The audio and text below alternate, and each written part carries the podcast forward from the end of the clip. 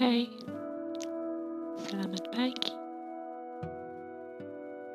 Bagi sebagian orang, pagi akan selalu menawarkan cerita baru, menawarkan perjuangan baru, atau harapan-harapan lainnya.